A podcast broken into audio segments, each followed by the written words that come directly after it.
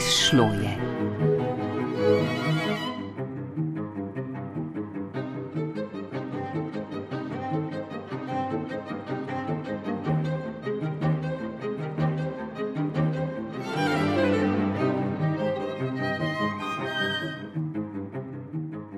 Drage poslušalke in dragi poslušalci, gosta v oddaji bosta dva.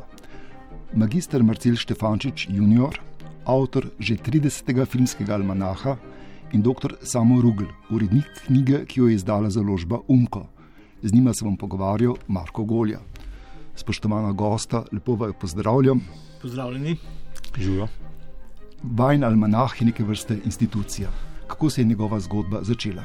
Marcel Štefančič. E, začela se je tako, da je pokojni Ivo Štandeker, največji strokovnjak za strip in tudi, bi rekel, velik strokovnjak za film, leta 91 rekel, da zakaj pa ne bi ti vseh teh svojih filmskih kritik leta objavil v eni knjigi, v neke vrste filmskem almanahu. In uh, potem je on poskrbel, prav jaz nisem imel pojma, kako se to naredi. In potem je on bil ta, ki je poskrbel za vse, vse je uredil, zrihtal je urednike, tehnično je vse pripravil, uh, me gnal uh, kot črno živino, da sem dodal še tiste recenzije tistih filmov, ki jih tekom leta nisem, da sem dodal neke filmografije, ne vem kaj, vse ocene in tako naprej. Ne? Da je vse klapal, in potem je on poskrbel, da je to išlo v lični, res lični izdaji takrat. In to je išlo pri mladini. In to je bil edini almanah, ki je šel pri mladini. To si je zmislil izraz, zato je tudi napisan, mislim, da v vseh 30 almanahih kot ustanovitelj finskega almanaha Ivo Štandeker, ki je potem uh, padel v Sarajevo. In se spomnim, On je hodil pogosto k meni po videokasete, takrat so bile, takrat DVD-je še ni bilo videokasete. Je hodil v videokasete. In potem jih je pač čez kakšen mesec jih je prinesel nazaj, to celo škatlo. In tako je nekega lepega dne pozvonil, uh, jaz sem prišel odpret, zunaj je stal on, na eni strani pes, njegov runo, na drugi strani je na tleh bila orja velika škatla s videokasetami in on z nekim čudnim nasmehom. In jaz tega nasmeha nisem znal dešifrirati ker je kar stal in se smehljal. In potem je spontano začel mi tako žmigati in kazati tako dol proti škatli. Jaz še zdaj nisem pogledal, kaj je, ampak potem se je šele opazil na škatli, gor je bil prvi almanah, ki je prišel z tiskarne ven in potem ga je vzel v roke in je rekel: No, vidiš, zdaj si pa predstavljaj, ko jih bo tako na policiji. 10, čez 10 let 10, čez 20 let 20 in potem čez 30 let 30. In na tanko to se je potem zgodilo, ne da bi jaz to pravzaprav kdajkoli, kadarkoli, prej, ne, v preteklosti, pred leti, mislil, da se bo zgodilo, da jih bo res na koncu tiskanih 30. Mu torej niste verjeli, ko je rekel? Hm.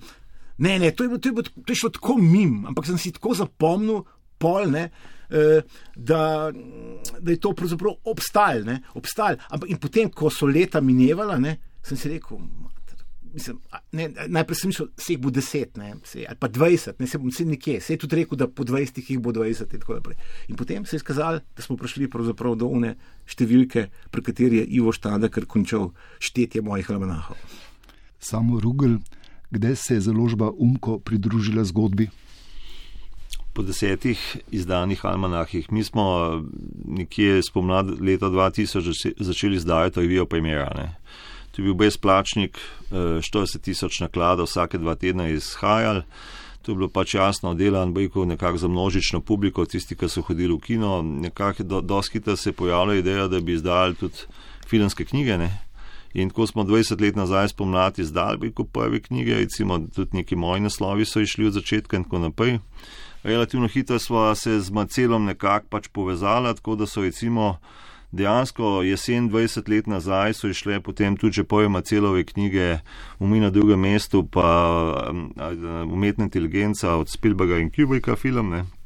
Je Macel pač najdel eno dosti dobro knjigo na to temo. Potem je pa dejansko pa šla do, do, do nekak uh, obtok ta ideja. Ne. On je že pač dejansko objavil že prej deset almanahov v različnih kombinacijah, različne založbe so to počele. Mislim, da zadnje štiri od leta 97 do 2000 je v bistvu takratna tudi založba Fanto dejansko objavljala, ne. potem so pa oni počasi stopali z tega posla, mi smo pač bili na področju filmske publicistike, recimo nekako odločeni, da to počnemo in potem je dala besedo besedo in smo ta Amlanah prevzeli. Ne. In smo ga potem pač naslednjih 20 let biko izdajali.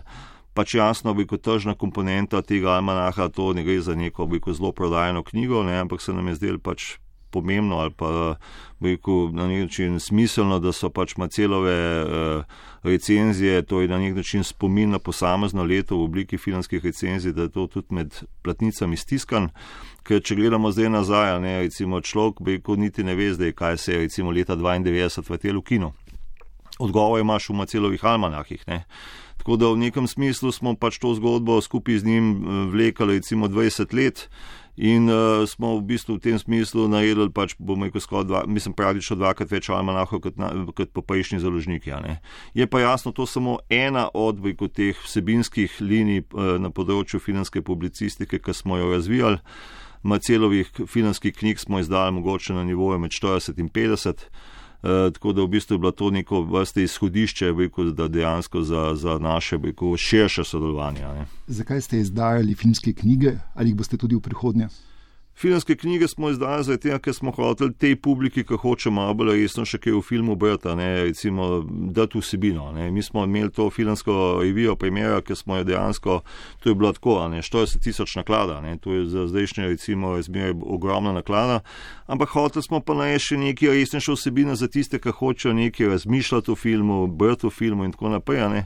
Od začetka smo izdajali bolj ali manj, kot domača avto, potem smo tudi s kinoteko in podobnimi izdali pač kar nekaj nekaj bojko, takih večjih enciklopedičnih projektov, pa nekaterih je tudi bojko, Macel sodeloval, pomagal in tako naprej, ne od tisočenega filma do svetovne zgodovine filma in tako naprej. Tako da v bistvu smo to tematiko pač poskušali pokriti na ta način, da tisti, ki bi rad imel nekaj o filmu v slovenščini, da to dobi. Ne. Zdaj v zadnjem času ne, smo v bistvu jasno, v zadnjih desetih letih je šel naš knjižni program v čist druge smeri.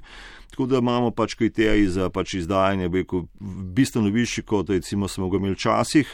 Tako da, recimo, kar se tiče rekel, celovih knjig, v bistvu zdaj delamo dejansko monumentalne reči. Recimo lani je šla recimo, njegova tisočstranska knjiga o filmu Noačev, Mem pa idem se zbudim.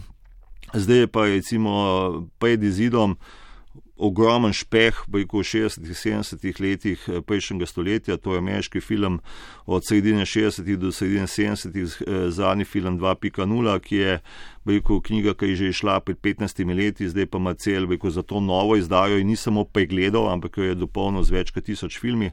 Tako da to je pa del enega tazga širšega projekta, recimo, ker mogoče bomo videli, pač odvisno, ali se bomo, bomo to stanje realizirati, zgodovina film, ameriškega filma in to, to bo potem na nek način v slovenščini bomo imeli na voljo knjige, ki jih v bistvu v taki obliki ali pa v takem obsegu ali pa tako, s tako erodicijo v bistvu niti američani nimajo. Marcel Štefančič, kakšno je bilo lansko filmsko leto? Bilo je nenavadno, bilo je leto, leto, eh, ko se je zdelo, da pravzaprav filma ni, da film umira in tako naprej, ker so kina zaprli in tako naprej. Ampak v resnici je bilo leto, ko je film poletel, ko, je, ko, ko se je končno film demokratiziral, se je prišel vsako družino čez res. Vse, vse veliko, platforme ne, eh, prikazovanja so se spremenile, film je šel res na platforme. Ne. Nenadoma so ljudje odkrili odkril te tako imenovane digitalne platforme, pretočne in tako naprej, streaming ne, in se je to uh, dramatično, dramatično spremenijo. Namreč ta nov način distribucije filmov, nov način gledanja filmov, to, uh, od videa na zahtevo do streaminga, ne, to je bilo v zraku, da, bo, da, bojo ti, da bojo ti filmi na te platforme prišli hkrati kot v kinu. To so že leta in leta skušali distributerji uh, in producenti. Ne, uh, to ta model poslovni uveljaviti, ampak so bili prikazovalci odločno proti. Ne? In se je zdelo to potem tudi samim distributerjem, ne, producentom nemoralno, ne? ker bi s tem odžirali kruh prikazovalcem, od katerih so bili vsa ta leta tako zelo odvisni in so še vedno. In zato so obstajali. Ampak čakali so pravzaprav samo eno veliko katastrofo, eno veliko hudo krizo, ki bo delovala um, transformativno in ta, bi rekel, COVID je deloval dobesedno transformativno. Uh, vse skupaj je spremenilo. In tudi, če gledamo zdaj, ne bi rekel, kakšen je obisk pri nas v kinu. Ne, Uh, Ko je Pavel Sonic zanj gledal, ne, rekel, najbolj gledan film, dobro, da je James Bond prišel, zdaj bo malo mal več, ne, uh, čeprav tudi kaže, da spet ne toliko, kot se je pričakovalo, ampak uh, recimo uh, hitri in drzni. Ne, ta zadnji je bilo okrog 30 tisoč gledalcev, ne, kar je približno trikrat manj, ne, kot so bili prejšnji deli tega filma, kar govori pri teh velikih eh, hitih, pri komercialnih filmih, kako so se stvari, stvari spremenile. Eh, in se tle se pravzaprav vse spremenja, tudi te distribu, di, distributeri. Te globalni distributeri ne bodo, morali, ne, ne bodo mogli več narediti koraka nazaj, ne bodo mogli več reči, zdaj, zdaj pa tega se ne gremo več. Smo se šli samo med krizo, samo v času COVID-a. Zdaj bomo pa šli spet nazaj ne, v dobre stare čase. Mislim, povratka nazaj ni več. Ne. To je ta nova normalnost, o kateri govorijo. Ne. Nazaj ni več mogoče. To je tako, kot bi rekel, bomo šli nazaj v analogne čase. To je pravzaprav malo tudi tega, eh, te nostalgije, je tle upisane noter po eh, dobrih, starih, analognih, utopičnih časih, ko je obstajalo samo kino in smo bili vsi v kinu, eh, kot bi rekel Orson Welles, ne tam v Embersonovih, ne, čudovitih Embersonovih, veličastnih Embersonovih, ne, to, ko so ljudje imeli še čas, so hodili v kino. Ne. Eh, skratka, tega ni več, ne. pač ljudje danes nimajo časa, ljudje hočejo gledati veliko film doma. Ne. Eh, in pač distributeri, mislim, kapital ne, je ta, ne, ki vse pripelje danes domov. Vse je danes na zahtevo, ne. življenje na zahtevo, ne. hrana na zahtevo, film na zahtevo. Samo Rugel, vi ste urednik knjig Marcela Štefančiča, zanima me vaše osebno mnenje o njegovih ocenah zakaj so zanimive, zakaj so dragocene in mogoče kaj manjka. No, mislim, jaz sem bil do zdaj urednik ne samo teh filmskih almanahov. Dejansko ja. se mi zdi, pač, če govorimo, on ima pač prepoznaven stil, zna bejku pa je filmu bejku zadeti neko svoje bejku bistvo, ne s svojim pač recimo tem svetovno-nazorskim pogledom. Ne.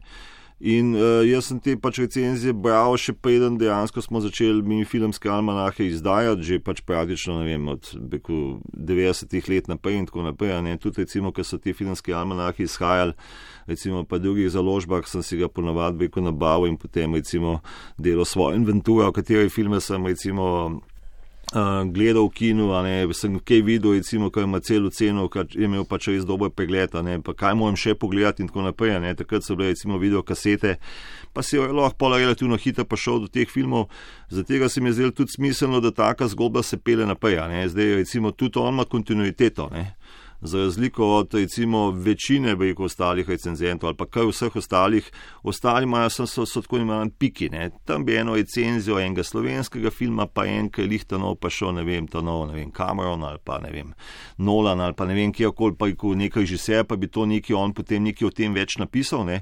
Macel je pač pokril vse ne. in to je v bistvu na nek način polči se ena druga, bi kot tudi druga vesolja. Njegove recenzije pač na nek način ti dajo bi kot celovit pogled ne, na to, kaj se na področju filma dogaja, ki je poleg bojko, teh recenzij, ki so not v Almanahi, so potem še neki drugi segmenti. Ne? Ono recimo je striktno pokrival potem tudi programe raznih festivalov in podobno, ne? kar pomeni, da recimo si dobil dobesedno v bistvu en, en tak lep pregled cel, tega, kaj se na področju filma ali pa bojko, predvajanja filmov dogaja ali pa išnem letu v Sloveniji. Ne? Omenili ste avtorjev slog, in ta slog bo tudi razviden iz njegove ocene, ki nam jo bo prebral radijski kolega Renato Horvat. Ocean te skuša vedno ubiti, nikoli ne počiva. Pravi Tracy Edwards, ki je kariero začela v kuhinji kot kuharica na barki. Od nje so pričakovali, da bo ostala kuharica, ženska naj pač ostane v kuhinji, tam je njeno mesto. Ne more voditi barke, ne more postati skiperka. Toda Tracy Edwards je leta 1990 postala natanko to. Skiperka Barke Maiden, ki je odpihnila seksizem, pohodila patriarhalne fantazije in se udeležila nore dirke okoli sveta. No, nore plovbe okoli sveta. White Bread Round the World Race, ki jo popisuje doku Jadravke. Tracy Edwards je najprej izbrala posadko, same ženske, kar je bilo enostavno. Precej težje pa je bilo zbrati milijon dolarjev, ki so ga potrebovali za dirko okoli sveta. Kdo bo dal ženskam, dekletom, kot so jim rekli, milijon za nekaj, česar ne bi smele početi? Barke čaka 33 tisoč nautičnih mil. To je le za najboljše jadravce. Dirka je smrtno nevarna, to je le za pogumne, le za superjunake, le za moške. A ironija vseh ironij, njihov sponzor je postal jordanski kralj Husein, direktni potomec preroka Mohameda. Moški, jadravci in reporteri so napovedovali, da jadravke ne bodo prišle daleč, morda do Kanarskih otokov. V jadravkah so videli le male senzacije in motnje. Mediji so se jim posmehovali in se spraševali, so prešuštnice, lezbike. Jadravce so spraševali o taktiki in izzivih, jadravke pa, kaj si o vsem mislijo njihovi možje, saj veste, ali so dobile dovoljenje. A kot so rekli, to je dirka za tiste, ki hočejo vse pustiti za sabo. Tracy Edwards in njene jadravke so hotele natanko to: vse pustiti za sabo. Vojno z morskimi valovi, ki so bili predestinirani za moške, so prelevile v vojno z valovi preteklosti, predsotkov, mizoginije, mačizma in patriarhalne omejenosti. Prišle so čez Atlantik do Urugvaja, kjer se je končala prva etapa, tretje v svojem razredu. Rekli so: začetniška sreča. Pred njimi je bil pekel.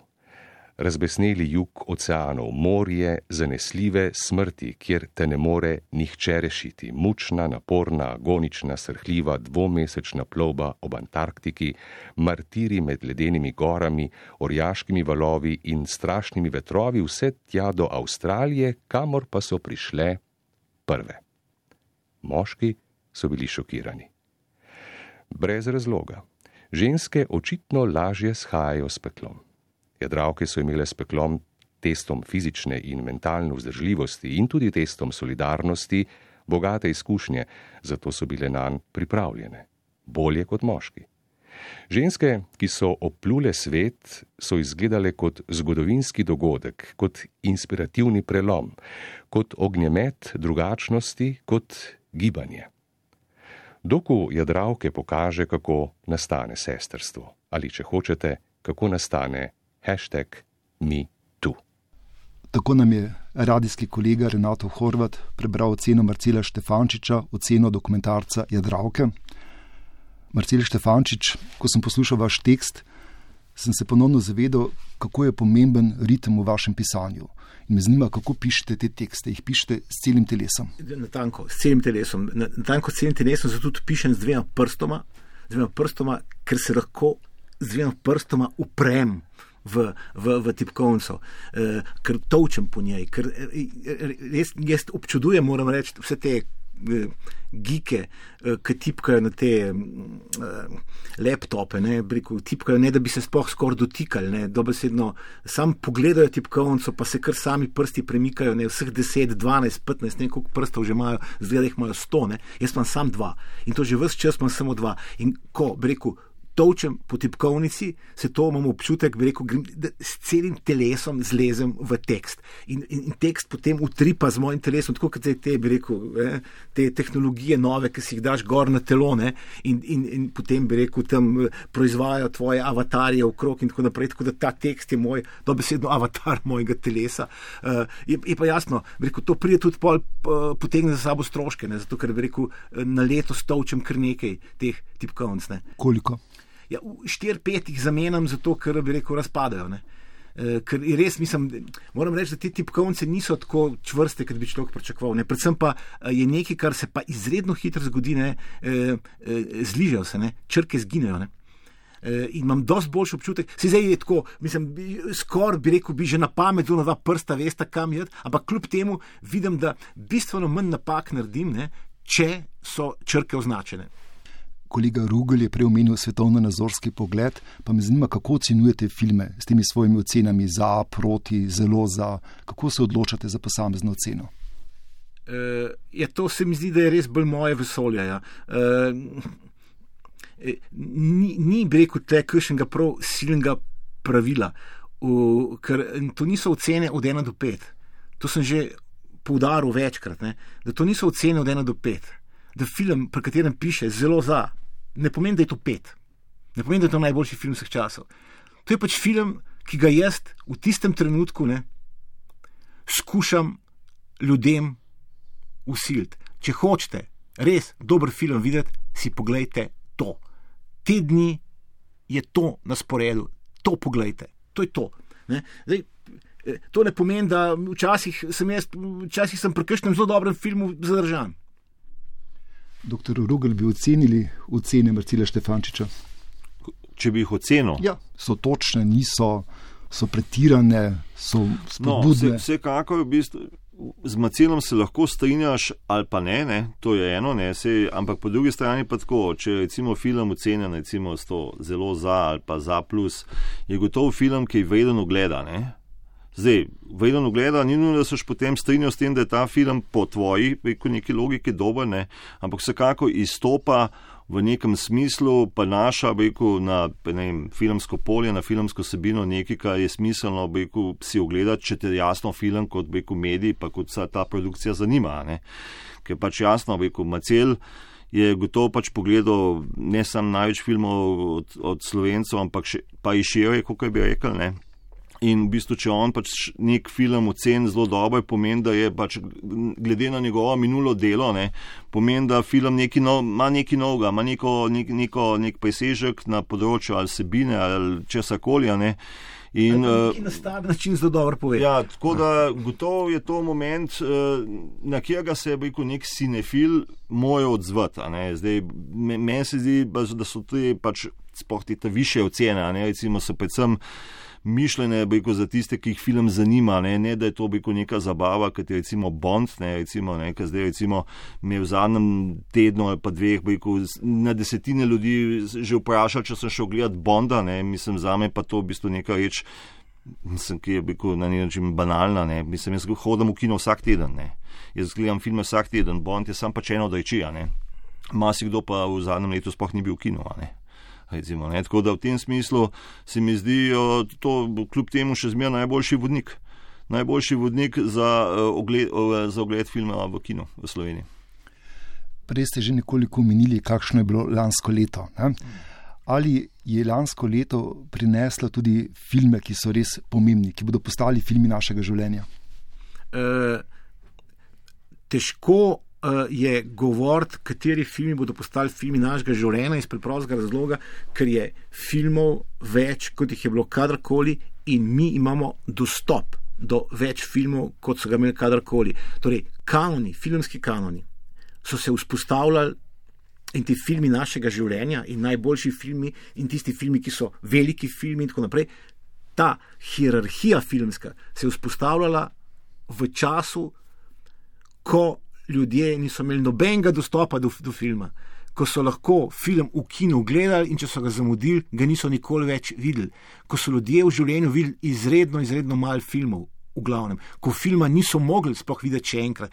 Čeprav, ko so ga zamudili, so ga zamudili.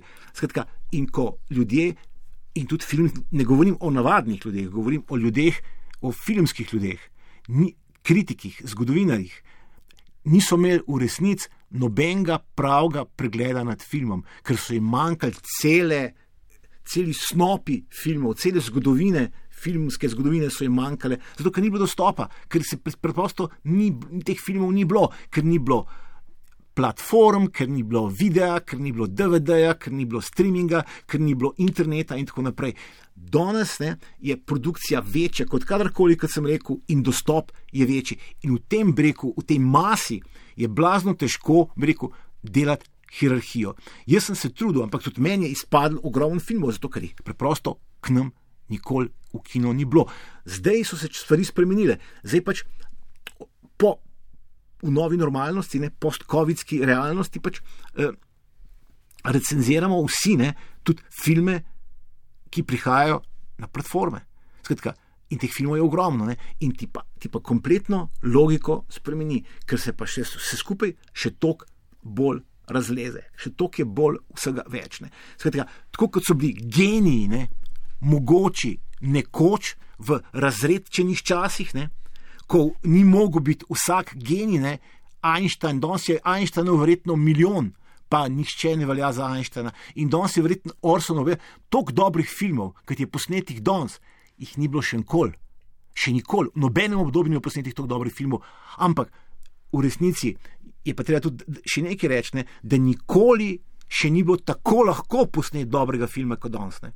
Tako da se tle ne, stara modrost pride do izraza, ne, te stare fantazije eh, slovenskih levičarskih filmskih zgodovinarjev, ne, da eh, bo, bo utopija, ne, bo takrat, ne, ko, bodo, ko bomo snemali in gledali le še dobre filme. V nekem smislu se to danes dogaja. Je pa res, da dobri filmi na neki točki postanejo dolg čas. Almanah vsebuje tudi vrsto ocen filmov, ki so bili ogledani na programu Netflix. Ali bi morali to platformo obdavčiti v Sloveniji, v Evropski uniji? Da, to je vprašanje za, za, za koga drugega, ampak vsekako vse te vsebine, ki jih na nek način z naročniškim modelom recimo, tukaj gledamo, bi mogle. Bi mogla imeti tudi država nekaj kot tega. Ne. Zdaj je jasno, ali bo to Evropa uspela narediti, ne vem, ampak zdaj jasno, tudi ta nova normalnost, ki ima cel govor, je to prenesla v bistvu enega, enega eh, denarja v bistvu na Netflix, da on funkcionira ne samo kot nek spojeden dodaten filmski studio. Ne? Ampak dejansko nudi v bistvu toliko enih dodatnih vsebin, kot vsi ostali, bojko ameriški studiji skupaj na tedenski bazi. Ne. Recimo, ponovadi imaš dva do tri nove filme, pa še kakšno serijo. Ne. In v tem smislu, jasno, se bodo ne govorim zdaj o slovencih, govorim o globalni publiki, se je tok pa tok 100 milijonov ljudi že na nek način naročili na te servise in podobno kot so ostali bi kot te, a ne spletni velikani od Google in tako naprej, v bistvu dejansko nacionalne ekonomije ali pa tudi beko kontinentalne ekonomije nimajo kaj dosto tega s tem se bojo mogli tako drugače soočati. Sej, na koncu bomo pa šli do tega, da bo Netflix produciral vse več vsebin, e, mi bomo pa v tem smislu dejansko obsojeni na, njih, na njihovo gledanje. Prvi film prišel na slovenski na Netflix, eh, družina eh, Roka Bička, eh, dokumentarc. Tako da smo, smo reprezentirani. Smo, smo reprezentirani, reprezentirani tudi tam. Bi pa jaz sam to rekel, ne, da eh, ko korporacija magari filmska kot je Netflix, eh, postane tako velika, da ne more propastne, postane tudi tako velika, da je ni mogoče regulirati, in tako velika, da je ni mogoče obdavčiti. Ne. In vse te korporacije, ne, te v dobi platformnega kapitalizma, pa še toliko bolj, ne, delajo vse, da jih ne bi bilo mogoče uničiti, ustaviti, regulirati, obdavčiti. Če vas nekoliko povzamem, Marcel Štefančič, prej ste nekako dejali, kino je bil mrtev, film je pa bil zelo, zelo živ. Kakšna je prihodnost kina? Uh, kino bo ustal, kino bo ustal tako, kot je knjiga ostala.